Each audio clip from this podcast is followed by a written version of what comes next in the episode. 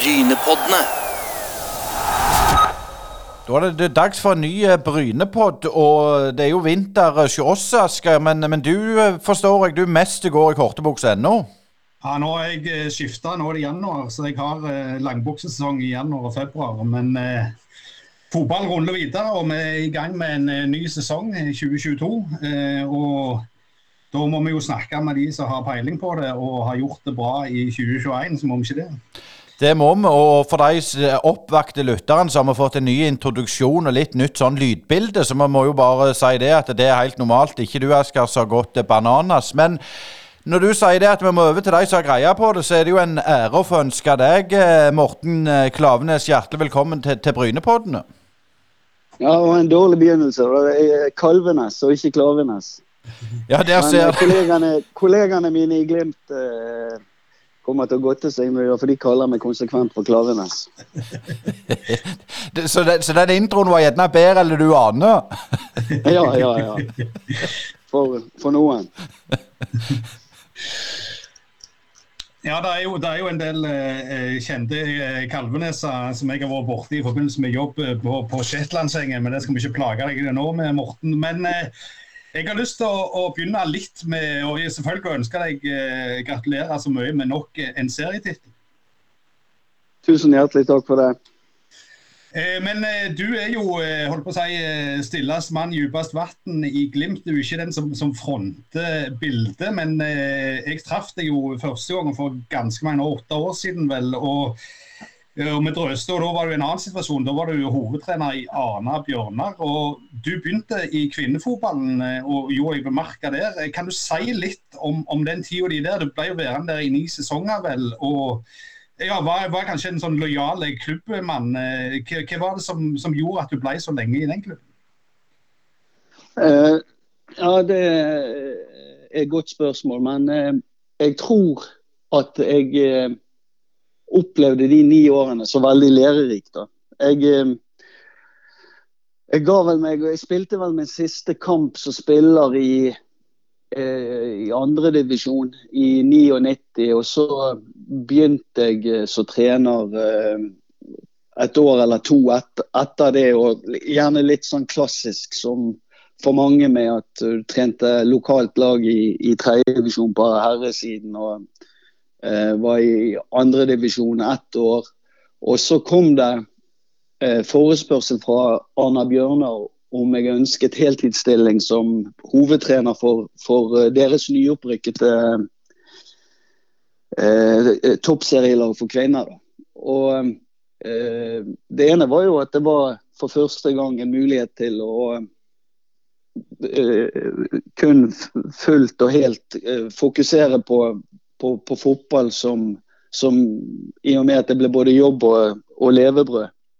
Eh, og det andre var eh, de spillerne eh, det var, Jeg gikk jo inn i det der så veldig Jeg hadde ikke mye kunnskap om kvinnefotball eh, spesielt den gangen, men ble veldig sånn positivt overrasket over det som ventet, og spillere og, og, og en del av de eh, ressursene vi fikk eh, som var tilgjengelig for oss. Så det ble, det ble jo eh, en, en periode hvor jeg fikk eh, eh, jobbe med, med, med veldig ambisiøse spillere med, med store ambisjoner på, på egne vegne internasjonalt. Eh, jeg fikk alle muligheter til å kurse meg, så du er inne på uh, Asker. Den gangen vi møttes, så var jo det var jo på, på prolisenskurs. Og uh, det var en eh, det var en veldig innholdsrik periode som var veldig lærerik, og som på mange måter ble på mange måter grunnmuren på, på, på trener på min trenerprofil.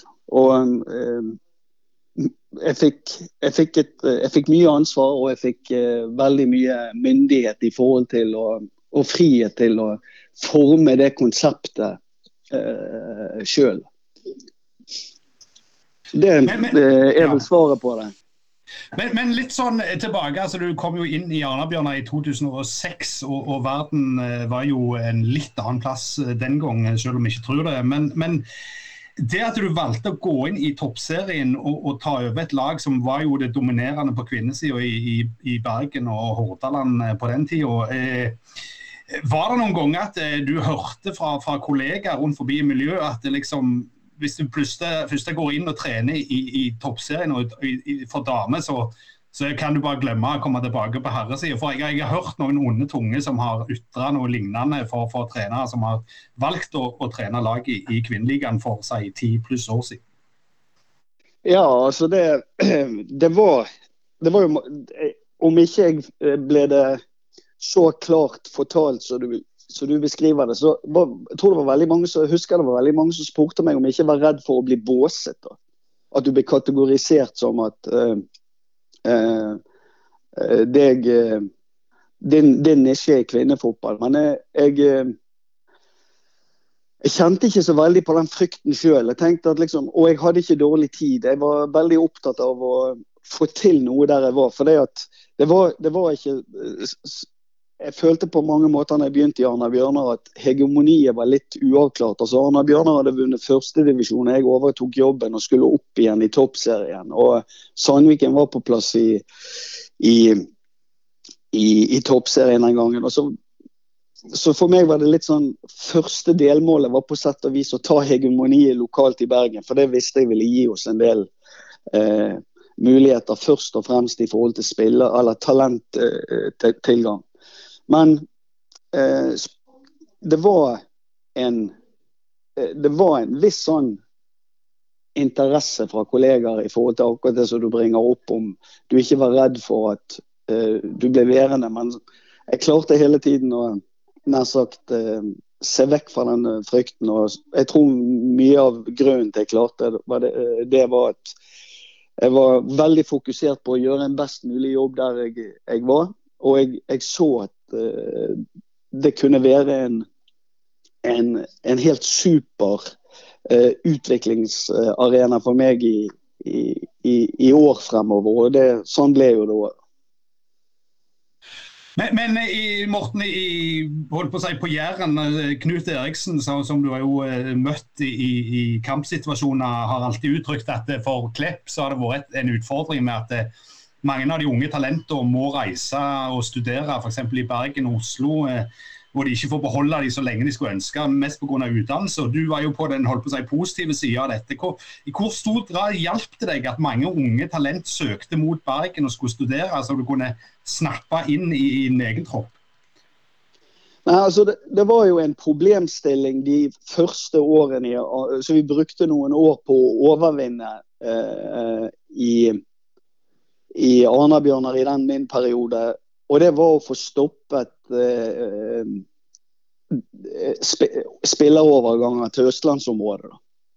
Fordi at de, de, de, dominerende klubbene i den perioden, de, de befant seg eh, i Oslo-området. Og det var òg eh, litt lettere tilgang til en del eh, tilbud eh, som var knyttet til eh, landslagsmiljøet Eh, både på Ullevål og på, på toppidrettssenteret på, på Sognsvann. Så eh, det, det, tok oss noen år å liksom eh, få, ve eh, få vekk den der eh, At vi avga spillere til de klubbene vi etter hvert konkurrerte side om side med.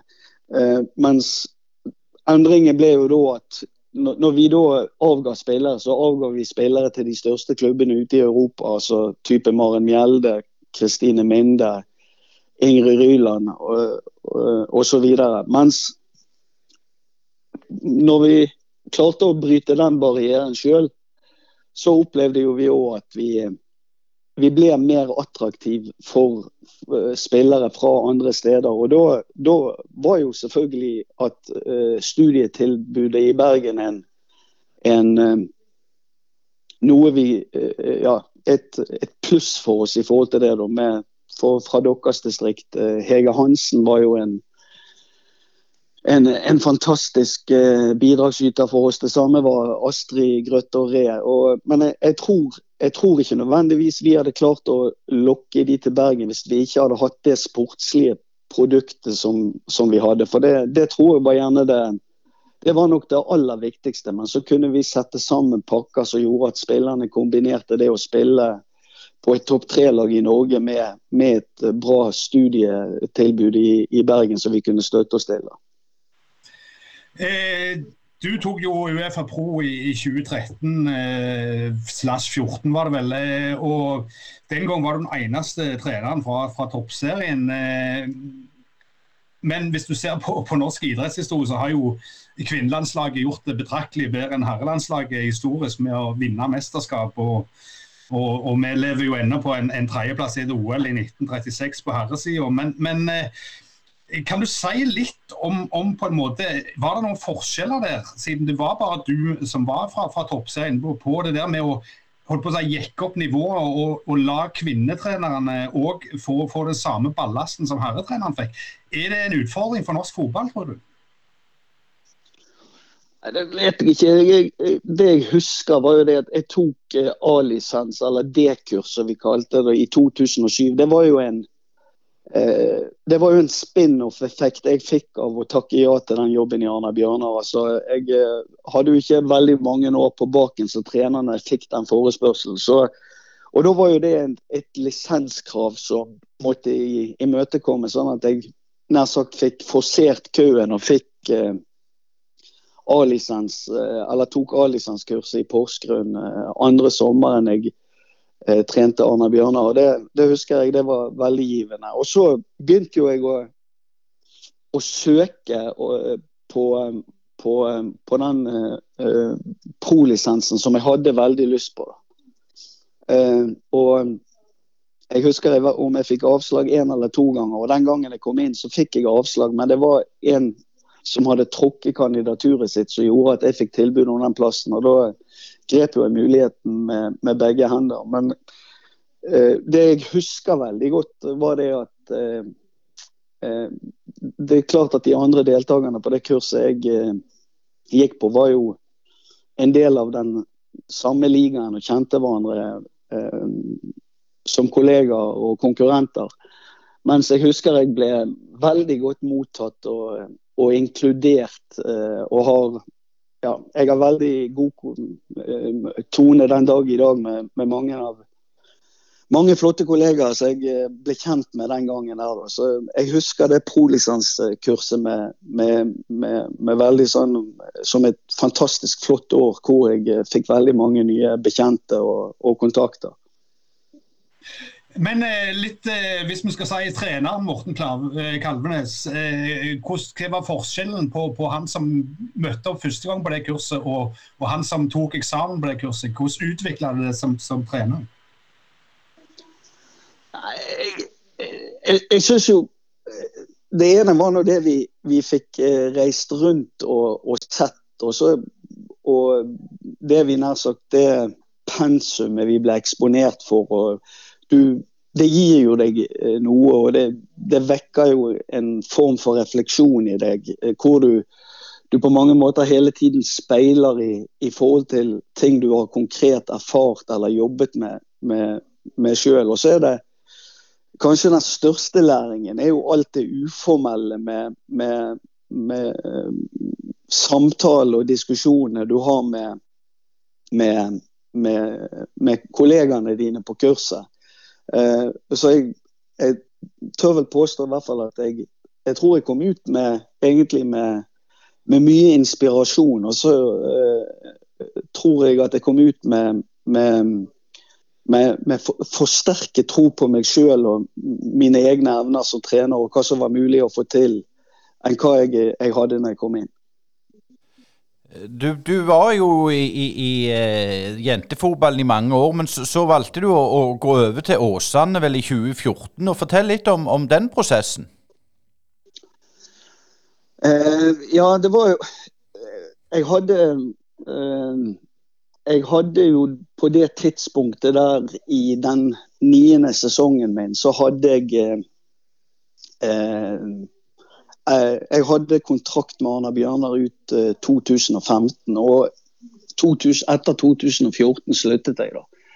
Og eh, jeg tror egentlig det begynte med at jeg søkte på en, en Jeg ble oppfordret til å søke på en landslagstrenerjobb eh, for, som avtaker for eh, Jarl Torske på Jenta 19-landslaget. Eh, og den, eh, den jobben eh, eh, var jeg i intervjuer på, på um, Ullevål på, og um, til syvende og sist så fikk jeg ikke jobben. og det, det var ikke noe big deal for meg, men det, det hadde skapt en eller annen sånn Jeg ble tatt litt på sengen av at eh, det hadde gjort noe med Jeg kjente at den prosessen hadde gjort noe med meg. Og når jeg ble gående og kjenne litt på det at det kanskje nå var dags for å begynne å tenke nytt, eh, ta noen nye utfordringer, at min tid i At det ville være bra for, for meg å få noen nye utfordringer. Så eh, sendte jeg en mail til, til styrelederen i, i Arna Bjørnar og sa at når denne sesongen var over, så håpte vi kunne enes om at jeg ikke fullførte det siste året i kontrakten, for jeg kjente at jeg trengte noe nytt. Og så var jo det da ikke ukjente Kjetil Knutsen. Han trente på det tidspunktet der Åsane i det som i dag heter Post Nord-ligaen, altså nivå 3, andredivisjon, eh, vant litt overraskende det året andredivisjon og var klar for Obos-ligaen i 2015. Og så var det en prat meg og Kjetil hadde hatt gjennom mange år, at på et eller annet tidspunkt så skulle vi gjøre et forsøk på å arbeide sammen i par.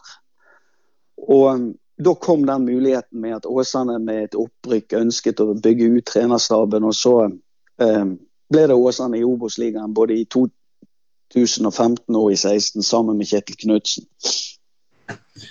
Men, men, eh, Morten, jeg har lyst til å, å spørre et oppfølgingsspørsmål. Du sa du fikk den prosessen i gang når du søkte på den landslagsjobben. Men, men er det eh, holdt på å si, Hva var det som skjedde i, i, i Morten eh, den gangen som, som, gjorde at du følte at nå må du prøve å skifte litt beite? Kunne det blitt sånn at du ble værende i den samme jobben holdt på å si, ti år til uten at eh, livet hadde endra seg noe dramatisk for det? Altså, var det, var det sånn vendepunkt at du gikk og tenkte lenge på dette, eller, eller var det noe som kom gradvis? Nei, det, for å si det sånn, den, den prosessen var jeg, ble, var jeg ble nesten tatt litt på sengen av det. For det at jeg var uh, det, du, det, blir jo litt skylapper på ofte i bransjen. For det at uh, det er hele tiden uh, noe å ta tak i. Og det Jeg hadde jeg hadde en jeg hadde en fantastisk eh, flamme i meg de der årene. Altså, det var aldri et ork å reise fra Bergen til Arna eller komme seg ut i Vestlandshallen eh, vinterstid eller møte spillere på, på, morgenen et eller annet sted i Bergen og gjennomføre en eller annen form for økt. Men eh, det, når jeg først bare sånn kjente at nå tror jeg det er dags for å begynne å orientere seg mot en ny jobb og søke en ny utfordring og jobbe med noe annet, så var det en, en, en prosess som ikke pågikk lenge. Og, og, fra jeg eh, fant ut at jeg ville informere styreleder til jeg hadde gjort det, det var, det var, var gjort på en uke på sommeren, tenker jeg. Litt innpå det med det du sa, at, at du og Kjetil var i tospann i, i eh, Åsane der. Det var jo ikke vanlig da. og, og det er for så vidt ikke vanlig nå heller. Dere har lykkes i Bodø, Viking har lykkes i Stavanger. Men når dere gjorde det den gang, var, var det oppsiktsvekkende? Eller var det sånn at de tenkte at uh, dette går aldri? Var det litt negativt den gang? Nei, for det at uh, jeg sier at uh, vi jobbet i tospann, men vi hadde en ganske lik sånn rollefordeling den gangen som vi har i Glimt i dag. Og det er vel det er jo, Du var inne på det innledningsvis, du eller Asgeir. Altså, Kjetil er jo teamlederen og spydspissen og frontfiguren i, i hele trenerteamet vårt. Uh, og i, i, den perioden i, i, de to årene vi jobbet sammen i, Ås, Åsane, så hadde jo vi et vi hadde jo et mindre trenerapparat, men også der var Kjetil frontfiguren. Og hovedtrenere. Så det var jo mer en klassisk konstellasjon enn at eh, På et annet nivå enn f.eks. den modellen som Viking har. Eh, du var jo i Åsane, men så ble det jo Brann 2 på deg. Og, og, og, som en bergenser så, så, ser det ut som at alle må innom Brann på en eller annen måte. Er, er, fortell litt om, om hvorfor er Brann så vanvittig stort? Nei, altså Sportsklubben Brann er jo en institusjon i Bergen. og uh, Alle får et, et, et, et uh, forhold til Alle bergensere har et eller annet forhold til Brann. Jeg, jeg, hadde, Min far hadde sin alders altså Han flyttet som uh, eh, 15-åring fra en av øyene utenfor Bergen inn til Bergen for å gå på skole og spille aldersbestemt fotball i Brann. Og hadde hele sin aldersbestemte fotballbakgrunn i den klubben. Og min bror var både akademispiller i Brann og senere førstelagsspiller i Brann så mye som i tre perioder, tror jeg. Så Um, og Grunnen til jeg havnet i Brann, tror jeg var mer sånn at jeg hadde ved en del anledninger i løpet av den Arna Bjørnar-perioden spesielt vært nevnt i lokalpressen hver gang det skulle ansattes ny andrelagstrener i Brann. Så det var jo på, på, mange måter noe jeg hadde rukket å tenke over om det var noe jeg kunne hatt lyst til, eller noe som kunne kledd meg. Og når, når jeg var uh, i Åsane på, på, tampen av det andre kontraktsåret der, og den forespørselen kom fra Brann, så var jeg i et møte med Magni Fannberg, som den gangen var utviklingssjef. Og meg og han hadde traff veldig godt på vår kjemi. og da, Jeg kjente med en gang at eh, det der har jeg lyst til å prøve, til tross for at på det tidspunktet der så var det vel egentlig en intensjon om at eh, eh, meg og Kjetil skulle fortsette i Åsane. Men etter de to årene sammen i Åsane, så hadde jeg lyst på en, en, en avsporing. Og, og, ja, litt eh, i forhold til samarbeidsmodellen vår. Jeg hadde lyst til å være eh, teste ut det å være hovedtrener for en sånn gruppe.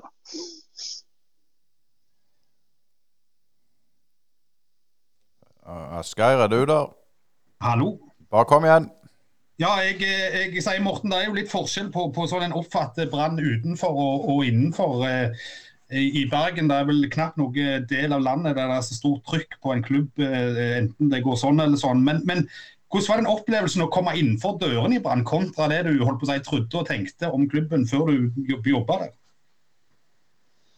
Nei, altså, Jeg har jo vokst opp i, i fotballmiljøet, og jeg har eh, fått jobbe på fulltid i fotballmiljøet i mange år i Bergen, før jeg eh, gikk inn som ansatt i, i Brann. Så eh, det, var jo, det, var jo, mye for å si det sånn, det var jo mye kjente, eh, kjente ansikter som ventet som, som nye kollegaer. og eh, For å si det sånn, den jeg elsket den jobben jeg hadde i Brann. Jeg, eh, jeg, jeg, jeg, digget å jobbe med den aldersgruppen. og jeg, jeg likte å være andrelagstrener, kommuniserte godt med, med, med førstelagsapparatet. Og ja, hadde folk som um, Hadde mange rundt meg som uh, jeg hadde følelsen av kun ønsket det, det beste for meg. Så uh, de to årene jeg hadde i Brann, de var, var um, særdeles positivt for mitt vedkommende. da. Men vi skal ta en eh, glidende mm, overgang til holdt på å si, Nordlands trompet og, og, og Bodø-Glimt. Men et spørsmål jeg har til deg, eh, Morten, som jeg lurer på, og som, som mange kanskje lurer på, er hvordan har det seg i norsk fotball at de to desidert største byene, befolkningsområdene, altså Bergen og Oslo, aldri har klart å etablere seg to lag som har vært sånn jevnt topp fire i over tiår eh, i perioder. Vi vet hvordan det gikk i år med Brann. Eh, VIF hadde jo heller ikke noen kjempesesong i, i Oslo. Er, er det noe i DNA-en til norsk fotball som gjør at lag som Glimt på en måte kan ta tronen eh, år etter år? Uh, ja, det uh, Altså, Glimt har i hvert fall Det som den, eh, den, spillergruppen som vi har hatt i, i, i, i Glimt nå, den det har jo vært eh, lokomotivet. Og så har du fått, har du fått etablert en råsterk trening, eh, treningskultur. Og det, det, det, tenker jeg altså eh, Det er jo de største suksesskriteriene. Og så vet jeg for lite om trener, trening, eh, treningskulturen både i, i Brann og, og Vålerenga til jeg eh, skal eh, tørre å uttale meg om, om det. Da. Men jeg, jeg, jeg tror at eh, treningskulturen er kanskje det største eh, fortrinnet vi har. Men litt der, Morten, med tanke på mediebildet i Bergen og, og, i Oslo, særlig i Bergen. Der er det jo eh, Vi snakket jo med, med tidligere styreleder og daglig leder i Brann sånn litt off the record. og Det er klart det er himmel eller helvete. Har det òg noe å si at dere får på en måte ikke arbeidsro? Der er liksom noe hele veien? Ja, eh, og det, det, leser jo jeg til stadighet. Og det, eh, det, det tror jo jeg at de som eh, eh, kjenner på det og uttaler det, mener det, for det, at det er opplevd. Men sjøl har jo ikke jeg hatt den erfaringen. Altså Det å være andrelagstrener i Brann er jo eh, altså Jobbe for akademiet til Brann, eh, det, det, er jo ikke noe jobb under trykk eller den oppmerksomheten som, som uh, førstelagspersonellet uh, kjenner på. da. Men, uh, men eh, at, eh, at, du er under lupen i Bergen, det er vel Det er jo helt sikkert. Det er jo bare til å åpne avisen, og så ser du at det er, er et veldig medietrykk på, på, på det som angår førstelaget til Brann. I 2019 da kom Bodø på banen og, og henta deg nordover. Hadde du noen gang tenkt at du skulle få den telefonen fra Nord-Norge utenom at Kjetil var der, eller kom dit? Eh, var, var det overraskende på deg sjøl at de tok kontakt? Nei, for det var jo Kjetil selvfølgelig som uh, låste opp døren. Men uh, det begynte jo uh, med, som jeg var inne på i sted, at jeg takket for meg i Åsane etter 2016-sesongen. og begynte i Brann. Og Kjetil ble litt sånn overraskende eh, valgt vekk som hovedtrener i Åsane og sto på bar bakke og fikk et tilbud fra eh, Åsmund Bjørkan og Bodø-Glimt om å komme opp der, og var der i 2017. Og så sa Kjetil til meg Jeg traff han i Bergen i for, etter, mot slutten av 2017-sesongen. Og Da sa Kjetil at det hadde vært det var samtaler i Glimt om at det skulle gjennomføres et rollebytte internt med at Kjetil ble eh, hovedtrener og Åsmund jobbet eh, eh, ble mer nummer to eller assistenttrener, eller hva du vil kalle det. Og Da spurte Kjetil meg om det kunne være interessant for meg å komme nordover og jobbe med han i, i Bodø-Glimt i 2018-sesongen. Og det, det vurderte jeg, men jeg syns det var litt sånn der, eh, eh, vanskelig forespørsel å forholde seg til. Og det er nettopp av den grunn jeg sa i sted. Jeg, jeg trivdes veldig godt i jobben min som eh, Brann 2-trener. Eh, du kan godt si at det var en, en relativt trygg jobb òg. Og eh, ting stemte veldig bra for meg. Jeg bor sentralt i Bergen, hadde kort vei til, til jobb. Det var mange ting som var på, på, plass for meg i forhold til den jobben. Så jeg, jeg valgte å, å, å, takke nei til den forespørselen om å komme til Bodø eh, da. Og så fikk jeg en tekstmelding av Kjetil mens jeg var på ferie eh, sommeren 2018 om det kunne være interessant, for det skulle en ny mann inn eh, til 2019-sesongen, om det kunne være interessant for meg å denne gangen komme nordover. Og Da var jo det å ta litt sånn vurderingen eh, igjen, men jeg kjente egentlig allerede når forespørselen kom at eh, det ble litt sånn nå eller aldri ta det steget. Da. For det, på mange måter det å å forlate Bergen og reise til et annet sted i Norge og treffe nye mennesker og komme inn i en ny klubb, eh, og aller helst i Eliteserien, det hadde på mange måter vært noe som jeg på et eller annet nivå hadde hatt lyst til over mange år. Så eh, jeg eh, informerte han vel ganske sånn raskt og greit om at eh, ja, eh, dette har jeg lyst til, og så reiste jeg til, et, eh, til Bodø for et møte med daglig leder og styreleder, og så var det egentlig klappet og klart til å komme opp eh, i til oppkjøringen i, i 2019-sesongen.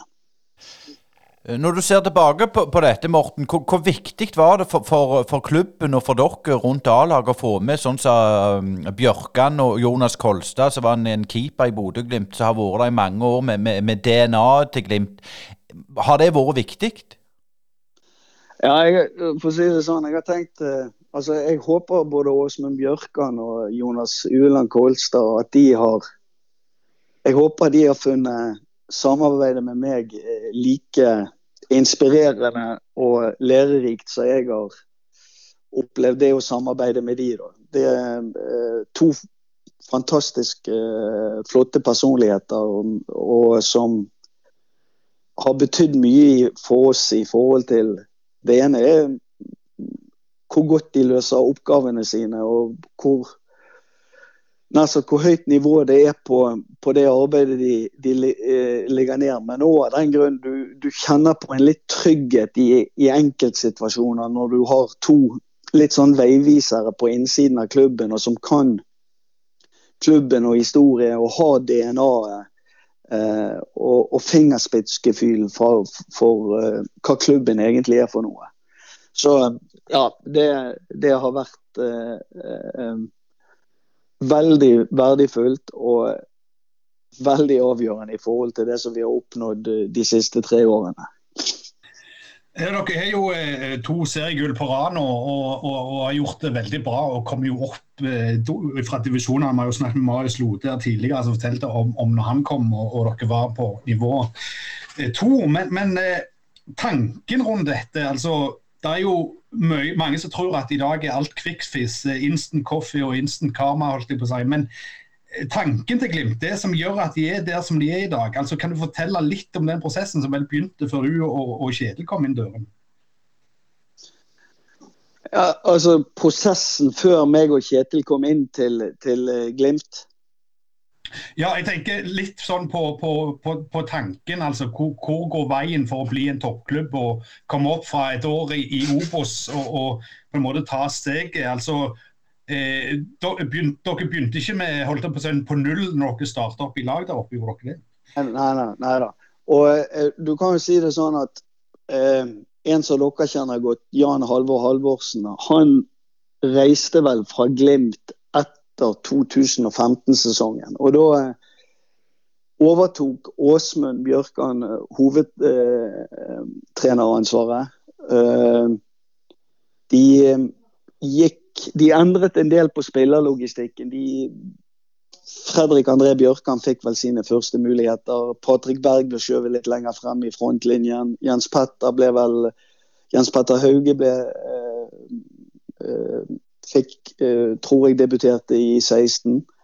og det laget, det var ikke under streken eh, en eneste gang eh, i, løpet av de første 29 serierundene. Men etter den 30. serierunden som var mot Rosenborg på Lerkendal, så var laget under strek og gikk ned. Og eh, jeg tror at jeg tror det var Jeg tror det var mye negativitet som, som preget klubben. Jeg tror Åsmund var under stort press og stort trykk, men antageligvis har han støtte hos de rette personene. sånn at til tross for nedrykk så fikk han fortsette eh, med mye av det prosjektet som han hadde startet, og som hadde glippet marginalt i serierunde nummer 30 med et uh, nedrykk. Når, når, Kjetil prater om hans in, uh, innkomst i, i Glimt, så er det, det første som møtte han, det var jo en en, en klubb i, i, januar som ikke hadde klart å, å riste av seg eh, skuffelsen etter nedrykket i, i, i november. Altså det var, det var, det var Klubben bar preg av det på, på, styrerommet, i administrasjonen, ikke minst i, i spillergarderoben, på trenerrommet. Og det første halvåret i Obos-ligaen tror jeg handlet veldig mye om å, å, å få snudd eh, stemningen og få skapt entusiasme og tro på, på, på, på prosjektet igjen. Og eh, et, det, ble, det, endte jo veldig bra med et eh, en, eh, en, god Obos-ligasesong og vinner og opprykk. og eh, Mange av de spillerne vi nevnte i sted, eh, fikk markert seg. Og Ulrik Saltnes eh, ble jo plutselig et eh, navn som eh, fikk markert seg i, i, i, i, norsk fotball etter å ha vært, levd en anonym tilværelse i, i, i Bodø-Glimt over mange år. Mens i i 18 så eh, var jo det òg Rosenborg i siste seriekamp. og Da var jeg fortsatt Brann-ansatt og satt på Brann stadion og visste jeg skulle reise til eh, Bodø etter jul. Eh, og da, var jo det sånn når den siste serierunden som gikk også på Lerkendal gikk, så var det uvisst eh, om Glimt om jeg skulle reise opp til et Glimt i Obos-ligaen eller til et eh, eh, Glimt i Eliteserien. Det ble det 1-1 på Lerkendal, pluss at en del andre resultater eh, også eh, gikk riktig vei. Så man holdt seg til, til slutt med, med, grei margin. Men det året der vant Glimt seks seriekamper. Og eh, det var ikke det at man tapte så mange, men man spilte 14 uavgjorte. Hadde negativ målforskjell på tre. Så eh, jeg tror det var Eh, det var jo Hvis Kjetil er Nord-Norges mest populære mann i, i, dag, så kan jeg vel si at han, han, var ikke akkurat det i overgangen mellom 2018 og 2019. da. Morten, jeg, ja. Ja, ja jeg, jeg, tenker litt tilbake her. Jeg, jeg var på den der berømte 5-1-seieren til Glimt i Jerusalem i, i 96. og da var jo Trond Solli som, som leda laget, og Ørjan Berg herja på midtbanen, og, og, hans brødre. Men, men altså den gangen så, så, ble jo laget på en måte Det var, det var kanskje det beste Glimt-laget før dere har gjort det dere har gjort. Men, men altså, den gangen ble jo laget holdt på å si, snappa opp og kjøpt opp av Rosenborg, inkludert Trond Solli. Men når jeg så tilbake på deres eh, sesong i fjor, som var, var jo outstanding, altså i 2020 eh, så tenkte jeg liksom OK, nå forsvinner spissene. Nå forsvinner liksom mange av spillerne. Hauge forsvinner etter hvert òg. Og, og, så tenkte jeg at oh, der har Bodø-Glimt dessverre det samme igjen som skjedde i 97, der liksom de beste forsvinner til en annen klubb. Men allikevel så klarer dere å vinne sesongen i år og, og vinne serien eh, litt mot odds. kanskje. Hva er det som gjør at dere har fått det der til, som, som, som det ikke havner i det samme som, som den der årgangen i 96? Nei, men da, da, jo, da kan, fall, kan, vi begynne med å trekke en parallell mellom en viktig del av utviklingsprosessen til Arna Bjørnar for, til å bli et uh, stabilt topp tre-lag i Norge og uh, til Glimt i dag. og det er det at jeg visste når jeg reiste fra Bergen, så var jeg informert om at når jeg kom opp, så ville det bli gjort uh, Ville Martin Bjørnbakke bli solgt. og det, Molde var veldig på, og vi kunne gjøre et bra salg den veien. Og, det, og den, det at vi ikke avgir spillere til eh, Molde eller Rosenborg eller Brann, eh, tror jeg er et, viktig, viktig, steg på veien i forhold til det resonnementet som du sier. og Du sa x antall gikk til Rosenborg. og det, det, det handler jo om din egen attraktivitet. da at eh, du må når vi, når vi, har de siste avgangene vi har hatt sant, Hvis vi tar de tre i front i fjor, så var det Jens Petter Hauge til AC Milan. Og så var det Philip Sinkernagel til Watford eh, på nivå to i England. Og så var det Kasper Junker til eh, Japan. Og det, det, blir jo Det blir jo det blir jo bedre butikk av eh, den type overganger. da. Og så er det eh, hele utgangspunktet vårt i år var at vi skulle eh, fokusere på samme måte som i fjor i forhold til vår egen utvikling. Og utgangspunktet, som vi sa når vi befant oss på de der berømte 39 dagene i, i Marbella, eh, var jo det at når, når, spillerne var litt stresset og vi ikke fikk ting til å fungere, så var det som jeg sa til dem, altså vi, vi, har jo, vi har jo De åtte mann bak den treeren er jo intakte. Så det handler jo om, om hvem som tar steget fremme. vil vil, og Ola Solbakken spilte jo eh, Jens Petter Hauge ble vel solgt etter den 20. seriekampen. Spilte 20 seriekamper for oss, og så spilte Ola Solbakken de, de siste ti. Og så ble det ja, I første del av sesongen så var Sondre Sørli som kom til oss i vinter, lærte raskt og var, var et friskt pust og god for oss frem til han eh, ødela korsbåndet. Um, og Ola Solbakken vokste videre på um, som spiller eh, på, på det han, eh, han hadde fortsatte fremgangene på det han hadde lært i fjor. Og Erik Botheim ble jo en, ble jo en lykkelig historie hos oss. da. Så mye var jo allerede på plass i forhold til basicen på, på en åtte-ni mann i, i, i fjorårets elver. Og så var det å treffe på det som skulle inn. Og så var det å ikke minst videreutvikle det som, som vi allerede hadde. Og hvis du ser på Patrick Berg i år kontra i fjor, så har han tatt store steg. Marius Lode har tatt store steg. Eh, Brede Mo, godt voksne, erfarne Brede Mo, har utviklet seg videre som, som fotballspiller. Og Nikita Haikin er blitt en enda bedre keeper i år enn han, han, han var i fjor. Og I bunnen så ligger det at spillerne må jo ha et brennende ønske eh, i seg om å ville bli bedre. Og når du har det utgangspunktet på plass, så har jo du en del redskaper i, i, i, skrinet ditt som, som, eh, som du da kan eh, benytte deg av. Litt tilbake til det, det skrinet. for det, det, er klart det, når, når Bjørkan hadde disse unge karene i Obos og, og, og rykket ned fra Tippeligaen, hvor viktig når du ser tilbake, var det det at de fikk den matchtreninga når de var såpass unge? Nei, det tror jeg, Hvis du spør Åsmund om det, så tror jeg eh, han, eh, han, vil eh, si det helt avgjørende for mange av dem. Så eh, eh, det, det, er jo et Vi har jo vært på en reise med en del av disse spillerne. og Når jeg ramset spillere, så har det utviklet seg. altså jeg kan jo ikke la være å nevne Fredrik André Bjørkan, hva sesong han har hatt. Men eh, jeg tror eh, det, Nå reiser han til Bundesliga i disse dager, og da har han, har han vært i førstelagsloopen til, til Glimt antageligvis sammenhengende siden 2016. og Det er klart det har eh, det har mye å si for hva nivå han er på i dag når han forlater oss. da.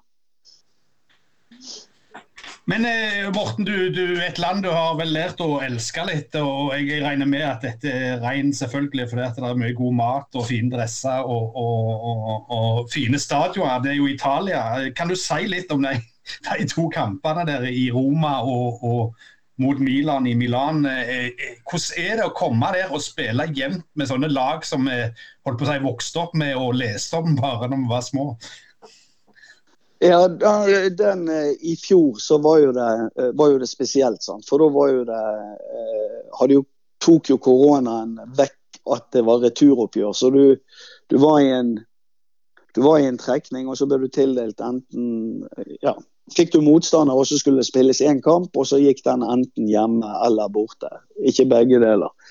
Så, og I tillegg så spilte jo vi på et, et helt folketomt San Siro i, i, i fjor. Så det var jo med og det var en, det var jo en helt annen opplevelse det vi opplevde i, i, i Roma i, i, år. Men den eh, eh, San Siro-kampen, hva skal vi si om den? Vi kom jo ut som en rakett av, eh, av blokken og var oss sjøl. Og, og, var eh, eh ja, du kunne se at det var flere av spillerne som var så ladet at i dag kunne være en kveld de eh, kunne være på sitt beste. Og vi, vi tørde å spille. Jeg tror vi overrasket AC Milan med, eh, med det, og hvor, hvor tøff vi var i, i, i forsvarsspillet vårt. Og så eh, skjedde jo det noe med oss som jeg tror det har vært, har vært veldig mye læring i ettertid. Og at når vi gikk opp til 1-0, så um,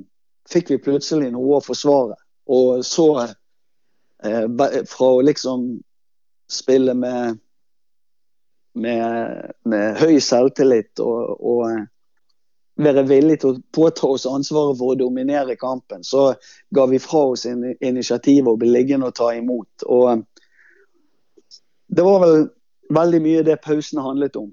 Eh, vi kom til pause med, med 2-1, og så glippet vi på en dødball rett etter pause. Og så fikk vi 3-1 i, i, i fleisen. Mens når liksom det loddet var falt, så var det liksom og Da var ikke det mer å tape. Da var det bare å gi gass og være seg sjøl eh, helt og holdent igjen. og eh, Det er jo helt marginalt at vi ikke eh, får, får reddet ekstraomganger. Så eller får ordnet oss, skåret et mål og fått ekstraomganger på San Siro. Men når det er sagt, så blir det nesten sånn at mye av det Europacup altså når vi fikk Roma i år, så var det egentlig akkurat så det bare vekket noe i spillergruppen at yes, vi får endelig en ny mulighet mot en Serie A-motstander. For den, den eh, Milan-opplevelsen i fjor, den lærte vi av. Hva kan vi Vi, vi vet at uh, vi vet at det uh, kan være muligheter hvis vi er på vårt beste. og Det var vel kanskje det det budskapet Nils Arne Eggen var mest tydelig på når vi fikk gleden av å møte han på en eller annen happening i, i fjor. og Vi, vi ble sittende en hel kveld og snakke fotball med han. Hans erfaring med, med, med europacupfotball handlet om at eh, vi måtte ikke tro at de er så gode som vi har en, eh, en tendens til å snakke opp en del meritterte motstandere. og Det har, var egentlig tilnærmingen inn mot Romerkampen. og Eh, den kvelden i Bodø var helt fantastisk eh, i forhold til det resultatet vi oppnådde der. Men det ble Jeg ble ikke overrasket over at vi, at vi eh, eh tørde å være oss sjøl så til de grader og i, i, perioder gi Roma så store problemer som, som vi ga dem.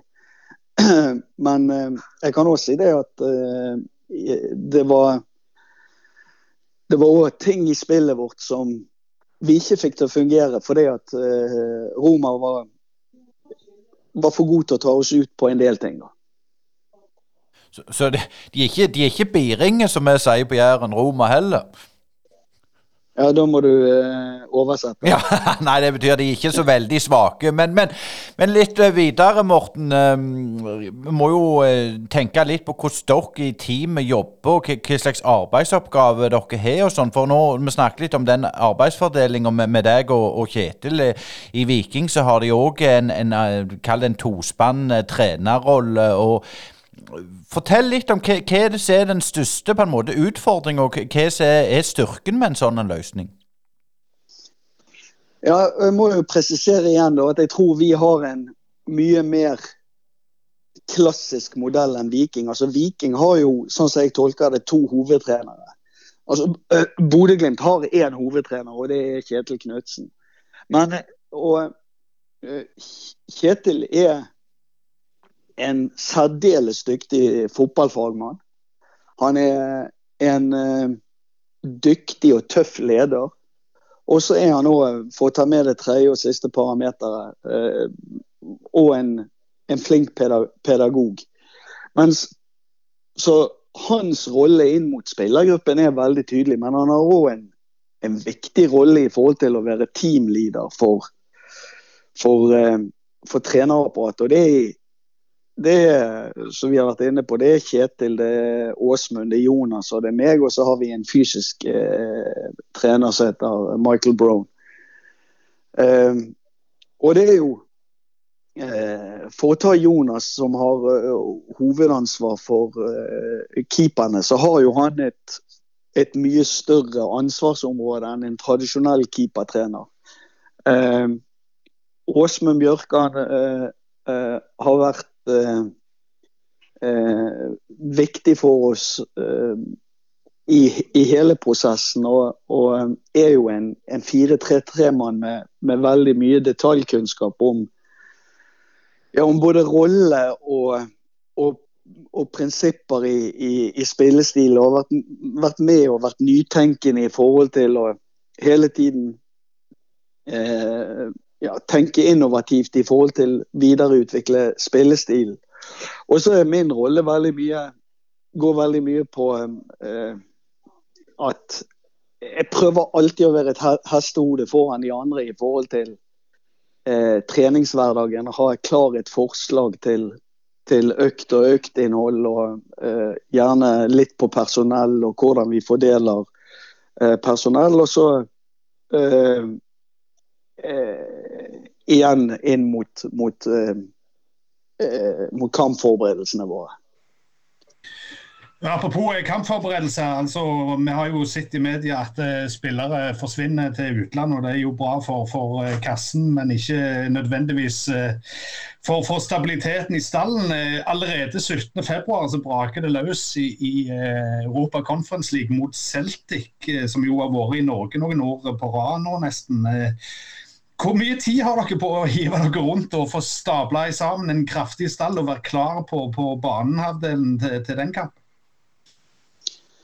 Nei, det, det, det, igjen, Da blir det en ny erfaring for oss. For da skal vi være eh, vi, vi, skal jo eh, Denne vinteren så skal vi bl.a. spille NM.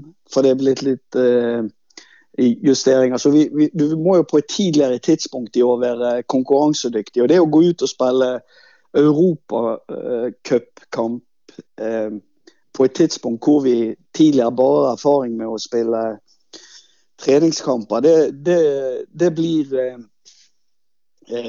det blir Jeg ser veldig frem til hele den prosessen. Jeg tror det ligger mye Eh, læring og venter på oss eh, nå. og Det blir, spennende å se på hva måte vi, vi får kickstartet uh, oppkjøringen vår. For vi får et litt annet tidspress på oss å få laget i, i, i, kampform. Men jeg, jeg, ser på det med, med, med, veldig spenning og entusiasme. Og så blir det litt sånn igjen som ja, Jonker, Sinkernagel og Hauge forlot oss i fjor vinter, men vi hadde åtte-ni mann igjen eh, å bygge på fra, fra, det serielaget vi avsluttet eh, 2020-sesongen med. Og det, vi vet at vi skal spille mot, eh, eh mot eh, Celtic 17.2. Og vi visste at vi kom til å gjøre noen salg, og noen eh, avganger var ikke til å unngå. Men vi, vi vet jo at vi skal ha et konkurransedyktig lag på banen mot Celtic. Og vi, vi, vi håper jo at vi skal være så god i det arbeidet vi skal gjøre frem til den datoen. At, eh, at vi skal forhåpentligvis kunne være den beste utgaven av oss sjøl. Så um, vi, det, det, kommer til å komme folk inn, og jeg, jeg, tror ikke det blir så veldig mange mer som kommer til å forlate oss heller, for å si det sånn. Helt til slutt, Morten. Hvor, hvor ser du deg selv framover i tid? Har du lyst til å bli hovedtrener i en eliteserieklubb? Ser du mot utlandet, eller eller er det sånn du ikke vil snakke om? Jo, jeg kan godt snakke om det. Det er vel egentlig to ting å si om eh, det. Det ene er litt som vi var inne på allerede i eh, starten på praten her, at jeg, jeg har heldigvis aldri hatt den der eh, at det der genet i meg, at jeg hele tiden må orientere meg i forhold til hvor jeg skal komme meg videre. Jeg har egentlig sett på meg selv som privilegert i alle de jobbene jeg har vært. Jeg har uh, funnet meg til rette, jeg har etablert meg. Jeg har klart å være fokusert og konsentrert på å gjøre en best mulig jobb der som jeg til hver tid uh, befinner meg. Og på den måten så tror jeg òg jeg har klart å ha en veldig høy grad av trivsel der jeg til enhver tid har vært. Så jeg er ikke sånn veldig opptatt av uh, hvor jeg skal videre, eller hva det neste steget blir. Min erfaring er at når tiden er inne for at noen vil at du skal komme deg videre, eller at du har lyst til å komme deg videre, så kommer det litt uh, naturlig av seg sjøl. Og når det gjelder den rollen jeg har i Glimt i dag, så uh, er jeg veldig sånn komfortabel med den. Jeg trives veldig godt. Men jeg, eh, det er ikke dermed sagt at jeg eh, liksom har skrevet i stein at jeg aldri skal bli hovedtrener igjen. Men jeg, jeg, jeg, jeg går ikke rundt nå og tenker at det er viktig at jeg i den neste jobben min f.eks. blir hovedtrener. For det, jeg kan utmerket godt trives i, i, mange år i en sånn rolle som, som jeg har. Den, akkurat nå kunne jeg kunne jeg ikke tenkt meg en annen rolle enn, enn akkurat det jeg eh, har som jobb i Glimt. Da må vi bare si tusen hjertelig takk for du stilte opp i Brynepoddene, Morten. Og det var en ære å få eh, rett og slett to seriemedaljer i gull sågar eh, på rad. Og masse lykke til mot Celtic, og ikke minst lykke til med, med sesongen. Tusen hjertelig takk. Og så var det var kjekt å prate med dere gutter, begge to. Ja, Asker. To eh, seriegull på rad, og vi fikk òg disse litt med, med navnet, Morten. Så, så, det var en kjekk prat vi hadde. Ja, det er Kalvenes, ikke Klavenes. Må ikke blande. Må ikke blande. Men eh, dette var en veldig kjekk eh, prat med en mann som ikke er så ofte i media, men som har veldig mye kunnskap om fotball. Ja, og det var derfor jeg liksom ville tirre han litt med dette med den der ansvarsfordelinga. For det er klart han gir veldig mye av æren til, til, til Kjetil Knutsen. Og selvfølgelig Kjetil skal ha mye æren, men jeg mener Morten skal ha vel så stor ære for det de har fått til oppe i Bodø. Det er helt fantastisk. Og um, han hadde mye fornuftig til å komme med. Helt klart, og, og, det skal bli spennende å følge Glimt når de skal i gang allerede 17.2. Det er jo normalt eh, da de spiller treningskamper mot eh, lag i lavere divisjoner. Men, men, fotball ruller videre, utvilsomt. Og, og, Så får vi se hvilken effekt det kommer til å ha på laget, og hvem de får henke inn av, av nye spillere. Men det er jo klart, et, et lag som Bodø, en, en, relativt liten plass, og den suksessen de har hatt de siste åra, jeg, jeg syns sånne historier er veldig kjekke å være innom. Og det har vi heldigvis fått gjort litt av i Brynepoddene. Det har vi, og så må vi også si det. Sjekk òg ut vår nye hjemmeside. Søk oss opp på Brynepodden, eh, og, og, og, sjekk den. Og så håper vi vi kan få litt flere følgere på våre sosiale medier, på Twitter, eh, Facebook og Instagram. Vi har vel et litt hårete mål der, Asker, å, å få 2000, var det det vi snakket om? Det var det vi snakket om, så vi kjører på. og Så får vi se om vi klarer 2000 til seriestart. Det må iallfall være et mål, skal det ikke det? Det må det. Det var det vi hadde. Og da takker Øystein Nygaard og Asker Uland for uh, samværet. Og så snakkes vi igjen på neste torsdag. På gjenhør. Brynepoddene.